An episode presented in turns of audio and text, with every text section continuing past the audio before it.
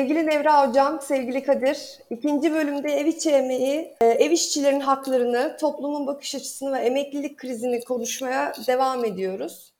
E, değerli zamanınız için tekrar çok teşekkür ediyorum. Bu noktada Nevra Hocam, size aslında çatlak zeminde ve sendika org'da birbirine karşı, e, birbirine cevaben yazılmış 2018'de yayınlanan Başak Tu Savul ve Özgün Akduran'ın yazısına referansla başlamak istiyorum. Yani o, o, o yazıda mesela eğer küresel kadın grevi gerçekleşecekse ve ev emeği ücretlendirecekse bu hangi aktöre karşı ne düzeyde bir taleple içeriklendirilmeli sorusu aslında bugün de yıl 2022 olsa da hala güncelliğini koruyor. Şimdi bu kısa bir konu değil ama e, kısaca e, burada e, düşüncelerinizi rica edebilir miyim? Bundan sonra Kadir eklemek istediğim bir şey varsa sen de ekle lütfen. Tabii, eee, memnuniyetle. Bu, emm, aslında bence oldukça önemli bir konu ve bugünlerde yaşadığımız krizin çok önemli bir parçası, bakım krizi diyebileceğimiz bir parçası. Eee, çünkü, eee, aslında, eee, sadece kapitalizmin geldiğimiz aşamada çok büyük bir krizinin, emm, bir tanımlama meselesi olmadığını da bize gösteriyor.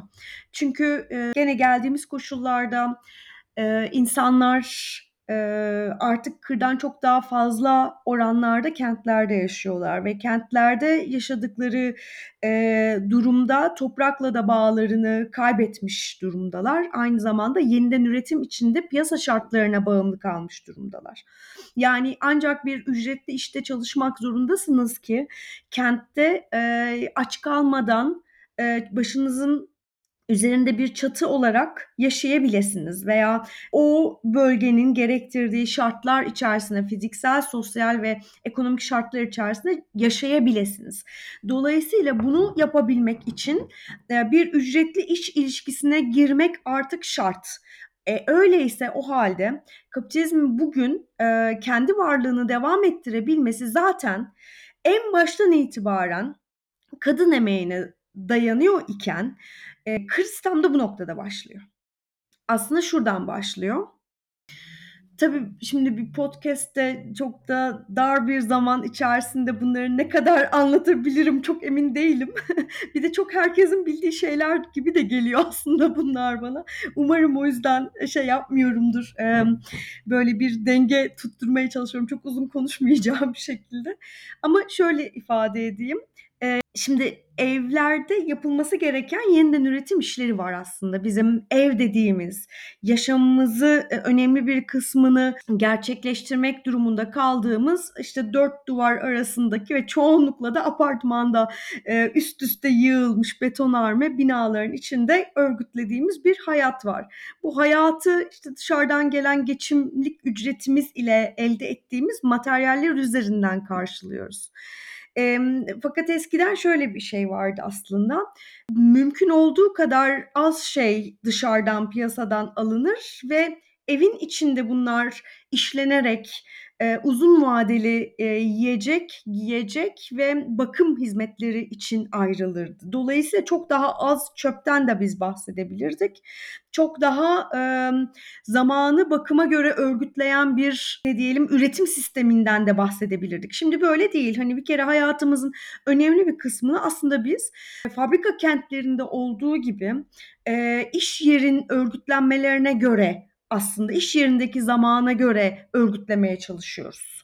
E bu aslında e, bizim hayatımızda çok büyük çapta değişiklikler getiriyor. Bunu pandemi döneminde çok açık gördük. Çünkü pandemi döneminde sokağa çıkamadık, bir takım hizmetlerden yararlanamadık, evlere temizlik için bir destek ya da bakım için bir destek alamadık, çocukları okula gönderemedik. Aynı zamanda e, evden çıkıp biraz özgürleşerek iş yerlerinde çalışamadık. Her şey evin içinde gerçekleşti. Çocuklar evin içinde eğitimlerine devam etmeye başladı.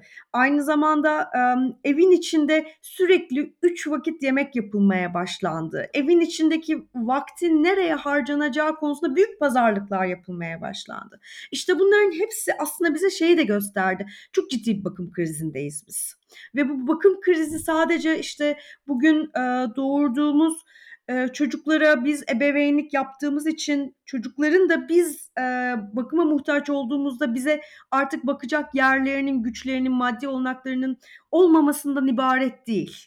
Biz aynı zamanda kapitalist koşullar içerisinde yaşayabilmekten dolayı, yani emek şartlarından dolayı zaten hayatımızı geçiremeyecek bir zaman dinamiği içerisinde, zaman ritmi içerisinde yaşıyoruz. Hele ki kentlerde yani iş yerine gitmek için, okula gitmek için, hastaneye gitmek için bunca zamanı harcadığımız kentlerin içinde yaşıyorken. İşte bütün bu süreç insanı insan olmaktan çıkaran, insanı biyolojik ihtiyaçlarına tamamen yabancılaştıran bir emek formuna doğru, emek gücü formuna doğru itekliyor.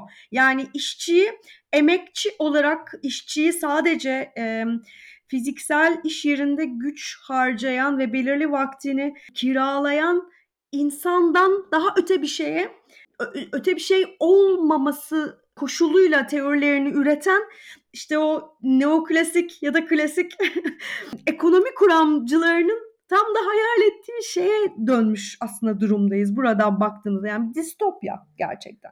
İşte bu bakım krizi dediğimiz süreç ise bize yeniden hayatımızı yeniden örgütlemek zorunda olduğumuzu hatırlatıyor. Nasıl hatırlatıyor? Şimdi çok ayrı şeyler gibi gözüküyor ama bir kere e, küresel bir çevresel fela- felaketler sistematiğiyle karşı karşıyayız. Pandemi böyle bir şeydi zaten.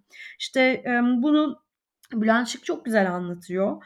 Yan yana gelmesi ekolojik olarak imkansız olan pek çok hayvanı yan yana getirip et ve süt üretimi ve aynı zamanda yem üretimi için yeniden organize eden bir ekolojik yapının oluşması ile aslında o pandeminin çıktığı çok da ispat edilmiş durumda bugün bizim önümüzde.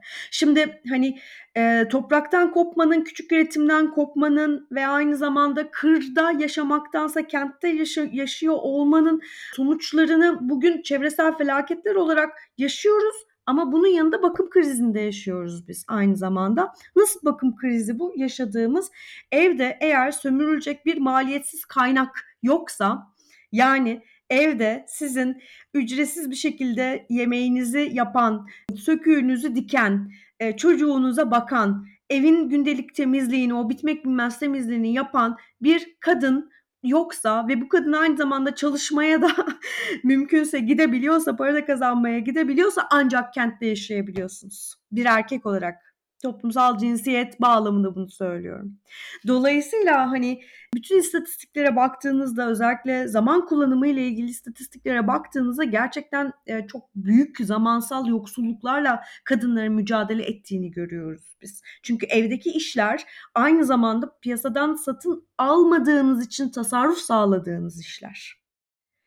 Aynı zamanda bir kadının çalışmaya başlaması bir erkeğe göre çok maliyetli aslında. Çünkü üstünü giyinmesi, dışarı çıkması, o e, sokaklarda bazen de çok da tedirgin olarak yürüyerek e, dolmuşa binmesi, çocuğunu ve diğer ev işlerini organize etmesi ve böyle işe gitmesi gerekiyor. Bu yüzden kadınların bir kısmı erkeğin eline bağlı kalsa da çalışmamayı tırnak içinde çok kötü çalışma şartları ve sokakta e, kamusal alanı kullanma imkanları çok da dar olduğu için bazen evde olmayı da tercih edebiliyorlar gerçekten.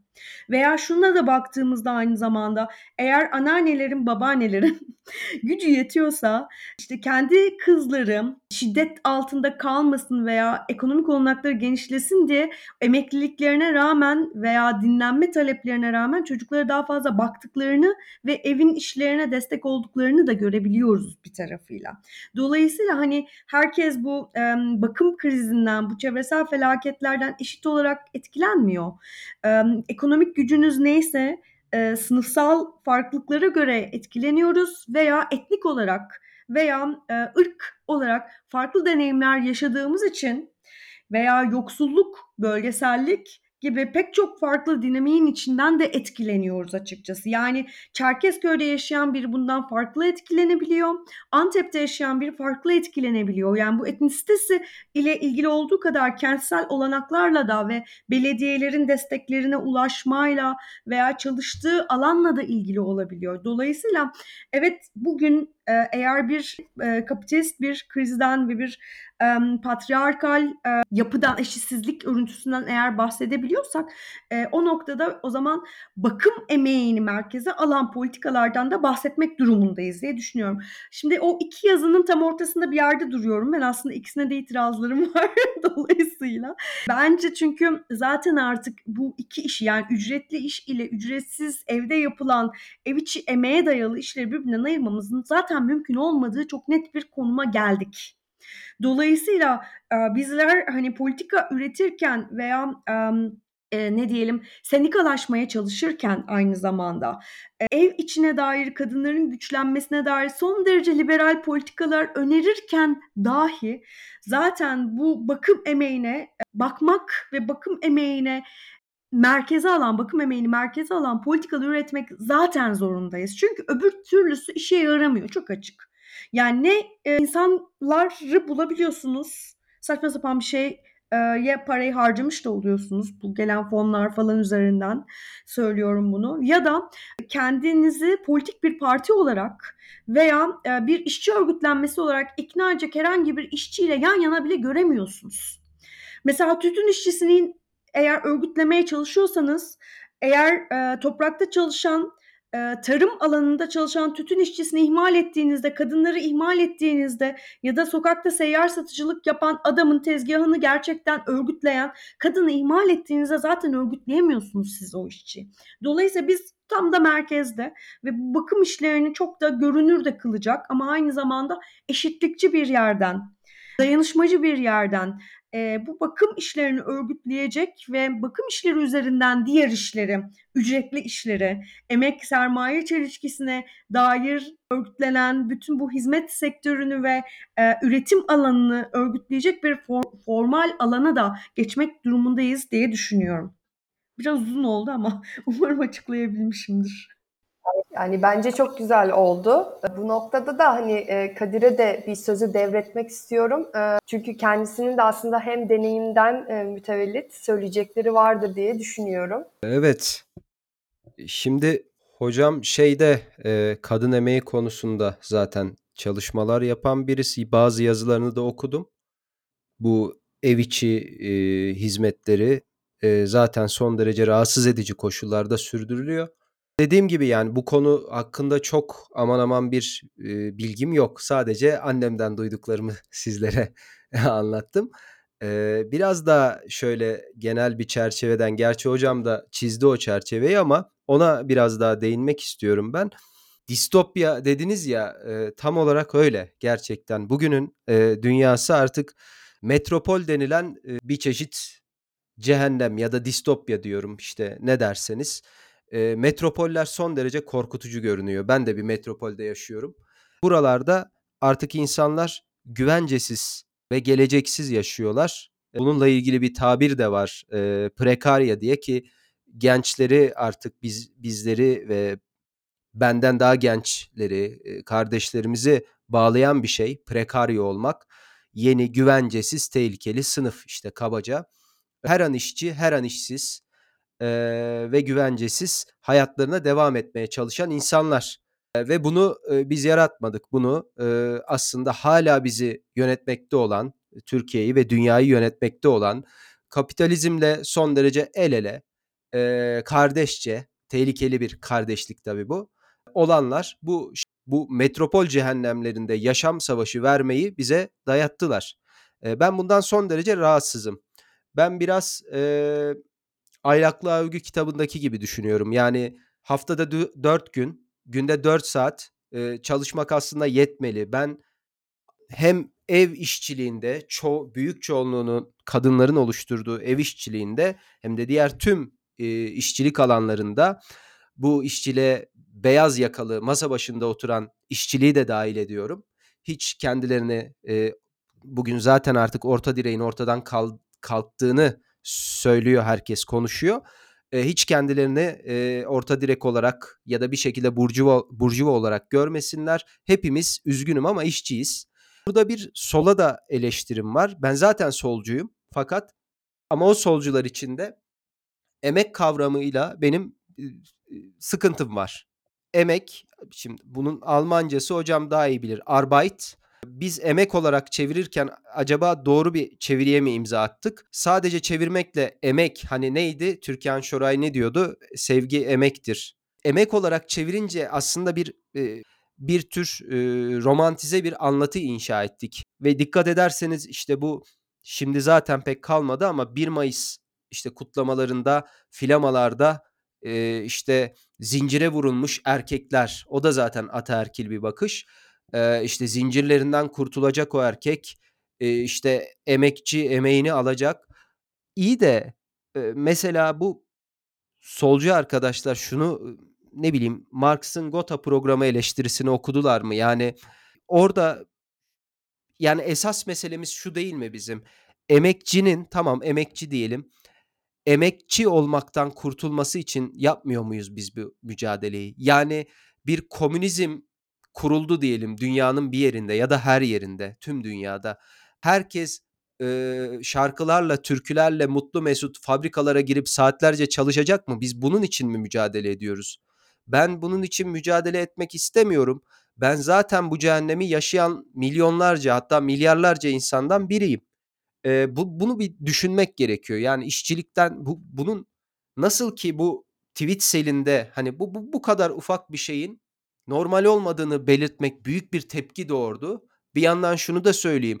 Bu bir kendini hala orta direk olarak görenler ve ekonomik koşullardan rahatsız olanlar eee, bir tür günah çıkarmaya da çevirdiler o tweet selini. Yani alıyorum ben de çalıştırıyorum. Benim işte atıyorum halamlar da çalıştırıyor ama biz börekler açıyoruz falan gibi bir enteresan bir günah çıkarmaya da dönüştü bu. Ee, bu da ilginç geldi. Ama şunu söylüyorum ya e, biz zaten bu metropollerde evet kırsaldan kent içinde yaşayan, bu beton yığınları içinde yaşayan insanlar olarak e, hakikaten o Fransızların yaptığı eylemdeki o sarı yeleklilerin o sözü gibi yani e, ha- hayatta kalıyoruz biz, yaşamıyoruz. Yaşamak istiyorum ben. Ben bir iş yerine girip bu ev içi hizmet olsun ya da başka iş olsun ben burada saatlerimi, 10 saatimi, 14 saatimi, 18 saatimi harcamak istemiyorum. Ben evime gidebilmek için gidiş dönüş 4 saatimi yola harcamak istemiyorum. Eee, ben bu yemek konusunun konuşulmasını bile zul buluyorum. Yani bu bu bu kadar basit şeyler üzerinde bile pazarlığa tutuşmak durumunda kalmamızı son derece, eee, bir bir tür akıl tutulması, eee, gibi görüyorum. Şimdi biz bu cehennemlerin içinde prekaryalar olarak yaşıyoruz ve bunlar gayri insani, en azından bizim hayal ettiğimiz şeyler kesinlikle örtüşmüyor mevcut koşullarımızla. Geçmişte bazı şeylerin en azından daha iyi olabi olduğunu, eee, insanların, eee, belli avantajlara sahip olduğunu görebiliyoruz.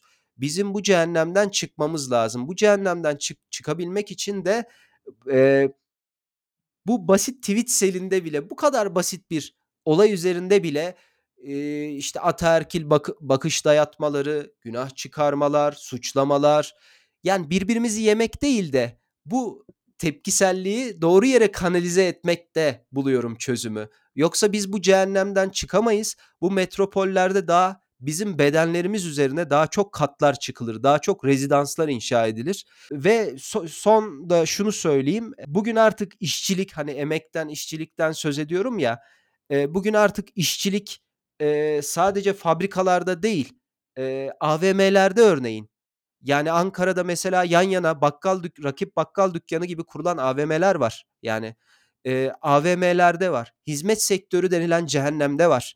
İnsanlar, eee, sabahtan akşama kadar ayakta duruyorlar. Eee, sigortaları yapılmıyor.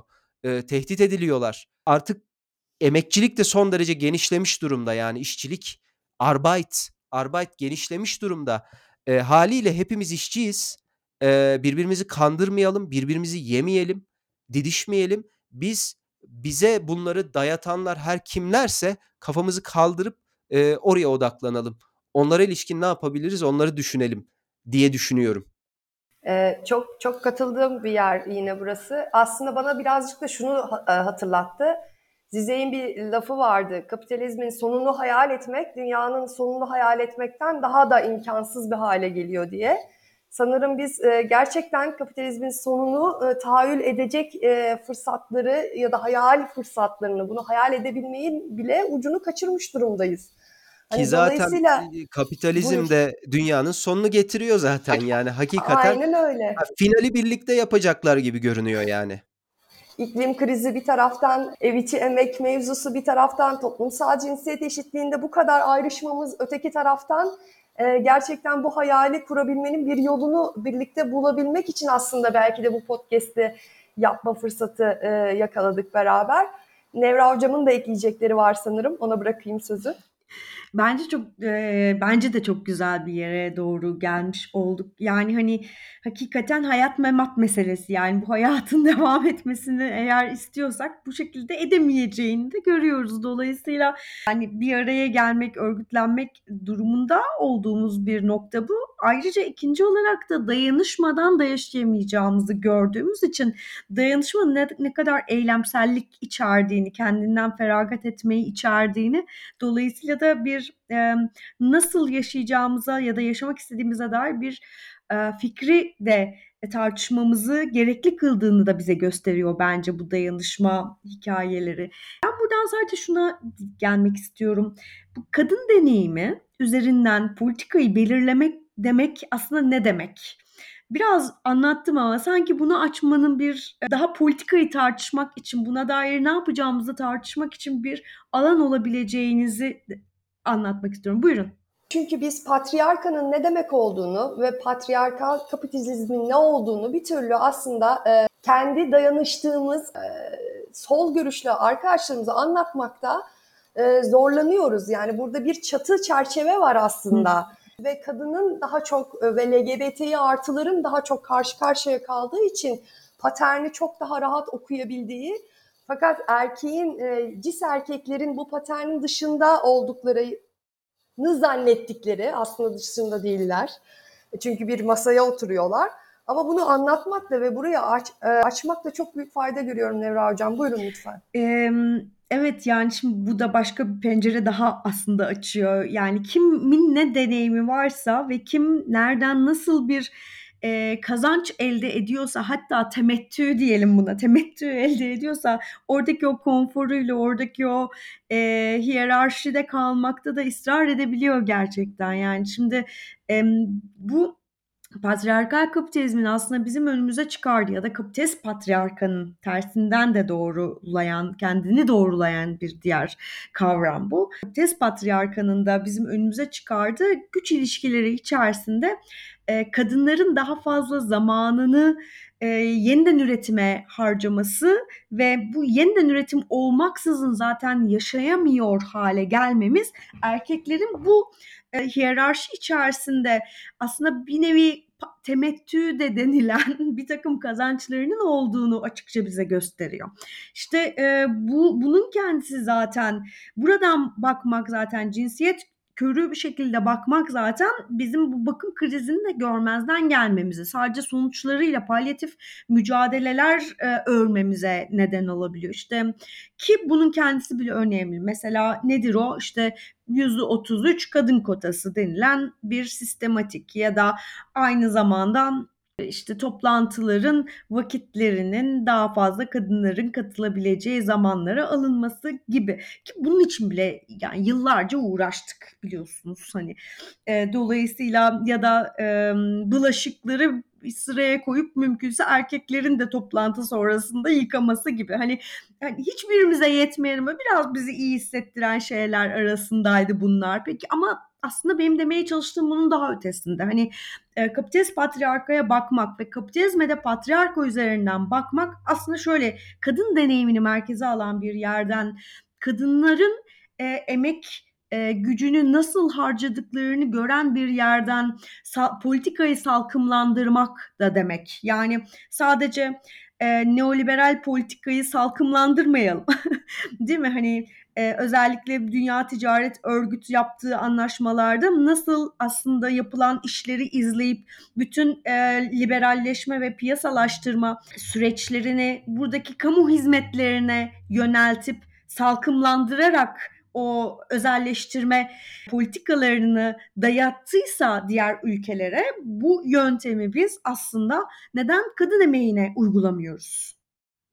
Şimdi dolayısıyla bu salkımlandırmaya baktığımızda şunu görüyoruz. Yani çok basit bir süreç. Yani adım adım kadınların yaptıklarını izleyelim mesela. Ve buradan bir sürü politika çıkartıyoruz aslında. Hakikaten de kadın grevlerinin, hakikaten de ev içi emeğin ne anlama geldiğinin, yemeğin kendisi ya da sofra etrafında toplanmanın kendisinin aslında ne anlama geldiğini belki de e, çok daha başka bir yerden bakarak politikayı da gerçekten buradan üretmenin nasıl mümkün olduğunu görebiliyoruz buradan.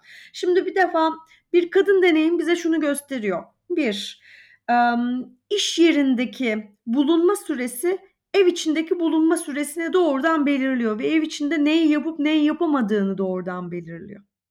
Yani iş yerinde eğer mesaiye kalması gerekiyorsa kadının e, küçük çocuğu varsa tabii ki kalamıyor ya da yaşlı, hasta ya da engelli bakımı, sakat bakımı e, içindeyse eğer başkasını da bu işlere ortak etmediyse tabii ki bunu yapamıyor. Dolayısıyla da hem emeklilik süreci, bakın yani sadece iş yerindeki varlığı, çalışma kararı değil, ileride hani emekli olup olmamasını da belirliyor. Ne kadar emekli maaşı alacağını da belirliyor. Veya sigorta sisteminden kimin aracılığıyla yararlanacağını da belirliyor kadının bu.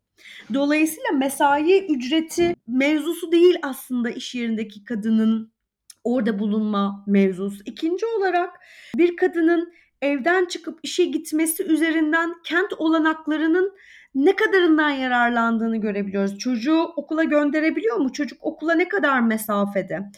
Ya da bir kadın hangi mesafedeki e, iş yerine gidebiliyor?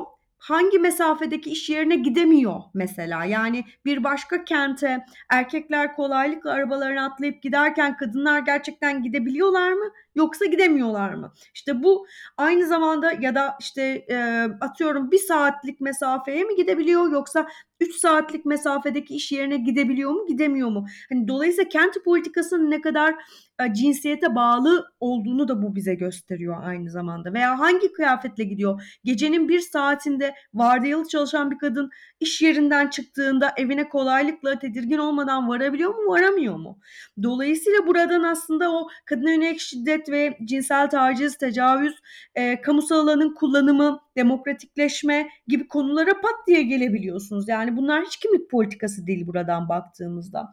Bir başka şey e, neslin üretimi konusu. Yani hani işte geleceğin işçi sınıfını üretirken tırnak içinde beden politikası buradan direkt kürtaj politikalarına giriyoruz aslında. Yani kürtajın kadına bedenine ait bir karar olmasının yanı sıra devletler neden hani kürtajı yasaklamaya çalışıyorlar? Sadece sağlık nedeniyle mi? Hayır, geleceğin nesillerini garanti etmek açısından da ve kadını daha fazla eve bağlamak, evden çıkartmamak için de. Çünkü yapılan bir araştırmada e, ne kadar bilinçli, ne kadar e, tırnak içinde progresif olursa olsun aileler e, aile olmaya karar verdikleri andan itibaren yani partnerlikten aile olmaya geçtikleri andan itibaren özellikle de çocuk yaptıktan sonra en muhafazakar tepkileri vermeye başladıklarını dolayısıyla da bütün zaman kullanım süreçlerini e, buna göre yeniden örgütlediklerini gösterdi bize ve dünyanın pek çok yerinde bu aynen bu şekilde yaşanmaya devam ediyor. Yani sadece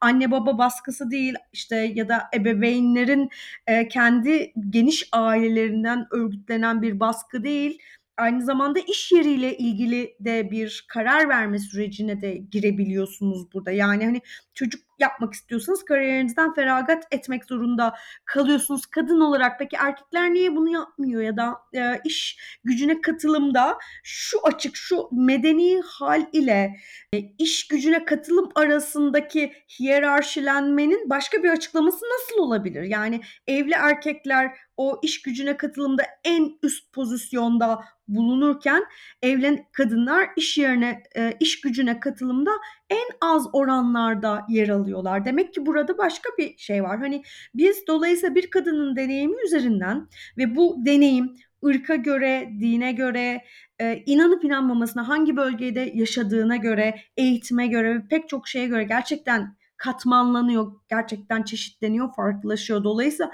bunu izlediğimiz noktada hiç de e, aşağılanan o tırnak için uzaklaşılmaya çalışılan kimlik politikası denilen o e, başka başka konular ya da ekoloji denilen bu daha genel anlamda dünya bakım emeğinin, dünya bakımı sorununun en geniş anlamda konuşacak olursak ne kadar aslında bizim e, gündemlerimize içkin olduğunu görüyoruz. O yüzden bence konuşulması gereken diğer şey belki büyüme perspektifi yerine biraz da küçülmeyi konuşmak. Gerçekten çünkü biz bu e, büyümek denilen şey e, emekçilerin cebinden daha fazla sermayedarın çeşitli yöntemlerle parayı çalması ise eğer çok açık bu aslında bu büyüme denilen şey. Çünkü aslında nasıl büyür, kapitalistler nasıl birikimi gerçekleştirir diye baktığımızda emeğe düşen payın daha az, e, sermayedarlara düşen payın çok daha fazla olduğunu görüyoruz ve sabit sermayenin azalmasıyla beraber çok daha yüksek oranlarda bir e, kapitalist döngünün daha fazla bu birikim mekanizmaları üzerinden gerçekleştiğini anlıyoruz. Tam da burada işte cinsiyet körü e, olmak yerine biraz cinsiyetli bakıldığında, LGBT artıların durumuna bakıldığında mesela, e, çocuk perspektifinden aynı zamanda bakıldığında aslında bizi doğru örgütleyecek bir politikaya da ulaşabileceğimizi düşünüyorum. Ve çok böyle mikro düzlemlerden bakmanın makro politikaya giden en temel araç olduğunu da düşünüyorum. Deyip burada susayım artık. Ağzınıza sağlık hocam. Bunu daha güzel bir şekilde ifade etmenin bir yolu var mıydı ben bilmiyorum. Ağzınıza Çok sağlık. O yüzden ederim. çok teşekkür ediyorum. Yani e, bu noktada da aslında dünyanın bakım emeği dediniz ya kendini progresif olarak tanımlayan solun aslında iklim politikalarından e, bu kadar çekinceli durması da ayrıca bir tartışma belki de ayrıca bir podcast e, konusu. Bu noktada birazcık geniş bir pers- perspektiften ele aldık ama ufacık e, eğer Kadir'in eklemek istediği başka bir şey yoksa ufacık tekrar sizi ev içi emeğe ve emeklilik sürecine aslında Nevra Hocam sizin de arada atıfta bulunduğunuz emeklilik sürecine ve e, ev işçilerinin asla sigortalanmamasına doğru sizi böyle bir çekmek istiyorum. Hı hı. Ee, yoksa ben e, saatlerce bunu konuşabilirim. Çok da zevk alıyorum bu konuşmadan. Ee, ancak buradaki kilit ve görünmeyen bir nokta daha var. Aslında Kadir yer yer bahsetti. Emekli bir insan e, mevcut krizin içerisinde emeklilik maaşına yetinemeyerek e, aslında yapmak istedikleri şeyi artık emekli olmuşsun çünkü yani bir şeyler yapmak istiyorsun. E, onca zamanına vermişsin, senelerini vermişsin bu düzene. E, bunu yapamayarak yeniden e, çalışma hayatına katılmak zorunda hissediyor kendini. Bu bir problem. Plus katıldığı yerde de e, sigortası yok. E, bu konudaki düşüncelerini önce Kadir'den sonra Nevra Hocam sizden e, dinlemek istiyorum. Yani burada zaten e, bir insanın bir şeyler yaşayabilmek için ha nihayet nihayet hak ettim ve şunları şunları şu hayallerimi gerçekleştirmek istiyorum diyebilmesi için emeklilik diye bir şey beklemesi gerçekten e, çok saçma. Yani e, yine de hani işte gelişmiş denilen ülkelerde emekli olan insanların daha iyi koşullarda e, yaşayabildiğini görüyoruz. Ama dediğim gibi e, emekliliğe kadar yaşamı erteliyorsunuz aslında. Bu son derece yanlış ki kadınlar için çok çok daha bu e, zorluk düzeyi yüksek bir şekilde cereyan ediyor.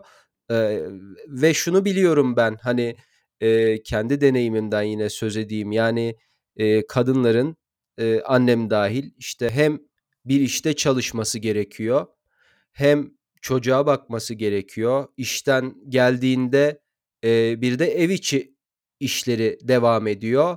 E, işte yemeği, ütüsü, çamaşırı, e, çocuk bakımıyla birlikte aslında uyku haricinde e, ona e, kendi e, yaşamı adına ne bileyim kendi e, istekleri doğrultusunda yaşayabileceği bir zaman kalmıyor. Zaten en büyük problem zaman problemi. Yani işte modern dünya dedim, metropoller dedim. Bu bir erkek için zaman biraz daha şey yani hepimiz için sıkıntılı ama kadınlar için çok daha zor. E, haliyle e, onların e, aslında erkeklerin de kadınların e, bu handikapının yaşadığı bu zorlukların e, farkında olarak onlara da destek vermesi gerekiyor. Çünkü onlara destek vererek biz de e, daha iyi olabiliriz e, diye düşünüyorum. E, bu kadar. Yani aslında burada destek bile bence çok e, şey bir kelime. Yani hani destek Yo, değil, destek derken paylaşımcılık. şey değil yani. Şey değil yani ya ya kadın e, ütü yapıyorken sen de bir uş- işin u- ucundan tut anlamında değil. Bayağı bu e, evet bu eşitlikçiliğe e, eşitlikçilik eşitlikçi mücadeleye doğrudan destek vermek anlamında. Yoksa e, şunu söyleyeyim. Bir zahmet bir erkek ev içinde hayatını paylaştığı bir kadın var diyelim. LGBTİ artıları da dahil ederek bu düşünmek zorundayız ama tipik işte muhafazakar bir aile tipinde bir kadın bir erkek var ve burada e, bir zahmet e, o ütüyü yapsın zaten. Bir zahmet o bulaş yani işin ucundan tutmak ya da destek anlamında değil de doğrudan hayatı her anlamıyla paylaşmalı. Ama de, benim destekten kastım kesinlikle bu değil. E, kadın mücadelesine destek. E, buna erkeklerin de bizzat kadınların sokağa çıktığında, kadınlar sesini yükselttiğinde o sese ses olması lazım. Onlar iyi olmazsa e, bu kadar ataerkil yapı içinde bu kadar ezilen kadınlar e, destek bulmazsa e, erkekler de e, kendilerine daha çok daha çok daha kötü e, yaşam koşullarında bulacaklarına dair hiçbir şüphe duymamalılar. E, netleşme için çok teşekkür ediyorum. Hem emeklilik konusundan hem de buradan hem de SGK'dan Nevra Hocama sözü devretmek istiyorum. Tamam. Yani tabii ki feminizm aslında e, kadınların ve LGBT artıların birleşik mücadelesi. Öznesi onların olduğu bir birleşik mücadele ve hani burada bir e, konfor değil sadece güç ilişkisi mevzu bahis olduğu için e, erkeklere de karşı tırnak içinde e, verdi ve erkekliğe karşı aslında verilen hem erkekler hem erkekliğe karşı verdikleri bir mücadele. Zira burada heteronormatif e, ezberler, heteronormatif e, bütün o ilişkilerde e, bu süreci hem erkekler için hem kadınlar için aslında yaşayan herkes için ve tüm e, ne diyelim ekolojik e, varlıklar, ekoloji içinde yaşayan tüm varlıklar açısından da riske götüren şeylerden bir tanesi oluyor aslında. Yani hani et yemekten şeye kadar bunları taşıyabiliriz. Bunların tabii çok uzun tartışmaları olduğu için belki daha sonra bir e, konu olarak konuşmamız daha iyi olacaktır. Ben şimdi bu şeye e, gelecek olursam emeklilik mevzusuna, ev içi emek ve emeklilik mevzusuna gelecek olursam, şimdi ev içinde e, bu zaman kullanımı anketlerinde çok açıkça kadınların aslında zaman yoksulluğu olduğu ortaya çıkıyor çoğunlukla. Yani bir ekonomik yoksulluğun dışında bir de zaman yoksulluğu oldukları çıkıyor. Çünkü kadınların ortalama olarak bir evde bir gün içinde 24 saat içinde yapmak zorunda oldukları işler yaklaşık 5 saat kadar vakitlerini alıyor. Bu ev içi emek dediğimiz e, olarak isimlendirilen kategori içine konulan işler için bu geçerli. Fakat erkeklerin burada e, yapmak zorunda oldukları işler ortalama olarak 48 dakika falan gibi bir şey. Hani onu da artık ne yaptıklarını tam olarak bilmiyoruz. Burada e, şöyle bir şey belki bizim karşımıza çıkabilir. E, pandemi döneminde ikide bir söylememin nedeni bütün işler artık eve kapandı, kısıldı ve çok da kristalize oldu ve bir dünya iş daha çıktığı için işte hijyendir, e, yaşların, çocukların bakımıdır ve diğer böyle hani normalde e, kurumsal olarak aldığımız yeniden üretime dair bir takım hizmetleri de alamaz hale geldiğimiz için muazzam miktarlarda artmış kadınların işi. Ama erkeklerin işin artmadığını gördük bunun içinde. Yani mesela bir kadının evde yaptığı işlere ayırdığı zaman 4 nokta, Türkiye'de 4.9 kat artmışken raporlara göre erkeklerin artmaması aslında burada nasıl bir e, hiyerarşi içinde bu işlerin gerçekleştiğini bize gösteriyor. Yani burada bir anlaşma yok. Ataerkil bir pazarlık da yok burada. Hani çok açık bir karşılığında şiddet olarak tehdit edildikleri, kadınlara şiddet olarak karşılığını e, buldukları ya da e, sevgi ya da özen ya da annelik ideolojisi içinden e, rasyonalize ettikleri bir sürecin olduğunu da görüyoruz. Yani bu annelik çok saf bir gerçeklik var aslında değil mi burada? Da, e, konu görülüyor yani hani hiçbir e, karmaşaya gerek olmayan bir şekilde. Elbette yani hani işte gerçekten de o ütü meselesinden gidecek olursak eğer gömleği buruşuk olan e, erkek kadını suçlamak için eğer bunu kullanıyorsa kendi giydiği gömlek ve kendine ait olan gardırobun içinde eğer bunu kullanıyorsa hani burada artık bir e, sevgi emeğinden falan bahsetmek ne kadar mümkün ya da nasıl bir pazarlık bu hani hiç emin değilim. Gerçekten kadının ister e, çalışsın ister çalışmasın yani ister ücretli iş elde etsin e, ücretli bir e, işi olsun ister olmasın o evde sanki bakıma muhtaçmış gibi sanki e, kendi başına erkeksiz yaşayamayacakmış gibi yapmak zorunda olduğu bir iş bütünü olarak bunlar bizim önümüze çıkıyor. Ya da çocukların bakım işte çocuğun Fransızca öğrenmemesi kadın tarafından dert ediliyor ve bunun için işte bin tane daha kursa e, çok daha fazla zaman ayrılarak götürülüyorsa o zaman burada başka bir şey var demektir. Ya da gene aynı şekilde kreşte çocuk hastalanınca baba değil de anne aramak aklıma aklına geliyorsa kreş yönetiminin e burada yine benzer bir şeyden bahsediyoruz. Yani hani çok birlikte olan şeyler bunlar. Şimdi bir e, SGK istatistiklerine baktığımızda bütün bunların bir sonucunun olduğunu görüyoruz. Kadınlar bütün bu gündelik hayat deneyimini hesap ettiğimizde iki defa bütün hayatları boyunca iki defa en az üretimden kopuyorlar, çalışma hayatından kopuyorlar. Bir genç, genç dönemlerde yani 20 ile 30 yaş arası çocuk doğurdukları için ister istemez kopuyorlar. İkinci olarak da 35-45 yaş arasında yaşlı bakımına artık zaman ayırdıkları için. Yani bu hani ableizm hani ne diyelim sakat körü olduğumuz noktada bile bu gerçekleşiyor aslında.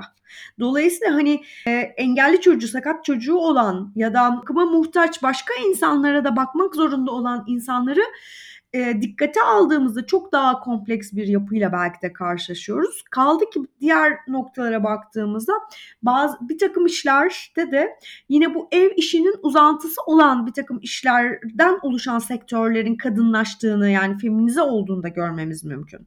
Ve e, özellikle son birkaç senede Türkiye'deki istatistiklere baktığımda oranların daha da artmış olduğunu fark ettim. Mesela sağlık sektöründe ve eğitim sektöründe eski yani 10 sene önce oranla diyelim çok daha fazla kadının çok daha alt pozisyonlarda elbette çalışmaya başladığını ve çok daha yüksek oranlarda çalıştığını ve çalışma alanlarındaki emek süreçlerindeki esneklik denilen o şartlar ne diyeyim sömürü şartlarını zorlaştıkça daha fazla kadınlara yöneldiğini görebiliyoruz. Veya bazen belirli alanlarda e, daha fazla e, makine yatırım yapmak istenmiyor ise ve ücretler düşürülmek isteniyorsa bazı alanların kadınlara açıldığını, kadın kadınların fabrikalara alındığını, dolayısıyla ücretlerin daha da azaltıldığını görebiliyoruz. Yani kriz evet kadınları bakım krizi ile ilişkilendiği noktadan kadınları vuruyor.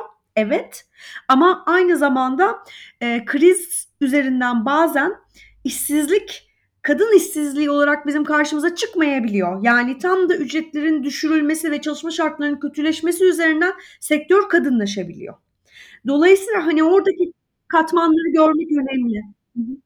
Hocam aslında wow ne kadar çok kadını e, istihdam ettik e, derken aslında bambaşka bir tabloyla karşılaşıyoruz. Çünkü ucuza e, istihdamı sağlamış oluyoruz veya daha fazla onlardan e, bir şeyler beklerken e, buluyoruz kendimizi. Bakım olsun, fazla mesai olsun, daha ucuza işçilik olsun. Tabii tabii tabii. Yani hani e, zaten e, özel olarak işverenlerin beklediği şey şu hani bir işveren bir erkek işçiye küfrettiğinde yumruğu yiyebilir suratını açıkçası ama hani kadınları taciz ederek de disipline ettiklerini de görebiliyoruz veya daha genç olanları özellikle. Hani ya da kadınların daha eğreti olarak iş alanında var olduğunu önceden varsaydığı için zaten çok daha geçici bir emek formu olarak da görebiliyor. Bu yüzden kadına yatırım yapmak istemeyebiliyor um, işverenler ya da sermayedarlar. Daha erkeklere e, emek vermek isteyebiliyorlar, yatırım yapmak istiyorlar kalifikasyonlarını genişletmek açısından. E, şimdi yani dolayısıyla hani işsizlik oldu, kadınlar işten çıkarılıyor dememizin nedeni aslında bakım krizinin olması. doğrudan hani her kriz kadınları böyle vurmayabilir. Bunu anlatmaya çalışıyorum. Bu çünkü bizim politikaları özellikle emek politikalarını belirlerken bakmamız gereken yerlerden bir tanesi. Ama mesela şu çok açık. Evdeki işler, ev içi emek eşitlikçe paylaşılmadığı sürece aynı zamanda e, evdeki bütün bakım faaliyetleri tabii ki biyolojik olarak e, bir takım bakım faaliyetleri işte süt verme aşamasında mesela e, kadınların üzerine belirli bir noktada yıkılıyor elbette. Yani ya da kadınlar e, bu bakımdan kaynaklı olarak kad- e, çocukla çok daha fazla bağ da kurabiliyorlar. Yani bu da bir nokta olarak karşımızda dursun. Ama bütün bunların yanı sıra şu bana çok önemli geliyor. Eşitlikçe hanenin içini eşitlikçe kurmadığımız sürece ülkeyi de sosyalist ve eşitlikçi kurmamız mümkün değil. Yani bu çok net. Yani bu e, hani istediğiniz kadar e, yemekhaneler oluşturalım ve muazzam sofralarda herkesi birleştirelim. O çocuk ağladığında kim gidiyor o çocuğun yanına? Ya da belirleyici gerçekten. Evet mangalda hani kül bırakmayan e, arkadaşlarımız mangalı pişirirken gerçekten o eti pişirirken gerçekten hani çok üstün beceriler sağlayabilirler ama hani kim hazırladı o piknik örtüsünü o hani mezeleri ve diğer şeyleri anlatabiliyor muyum? Yani dolayısıyla hani eğer tüm hayatı böyle bir yemeğe benzetecek olursak evet o hani bulaşığı da paylaşmak o e, besin değerini de eşitçe paylaşmak ya da kimin ne kadar ihtiyacı varsa bunu paylaşmak bana ancak o şekilde birbirimizle e, beraber ve tüm e, ne diyelim hayatı gerçekten örgütleyerek e, hayatı gerçekten e, dönüştürerek de paylaşmak anlamına geliyor gibi geliyor bana. En azından ben böyle bir alanda olmayı ve böyle bir alanda e, kendi hayatımı örgütlemeyi tercih ederim ve bu tercihlerin çok ötesinde bunu yapmaya mecburuz gibi e, de düşünebiliriz artık. Yani şu geldiğimiz felaketler çağında, bu geldiğimiz e, önümüzdeki di-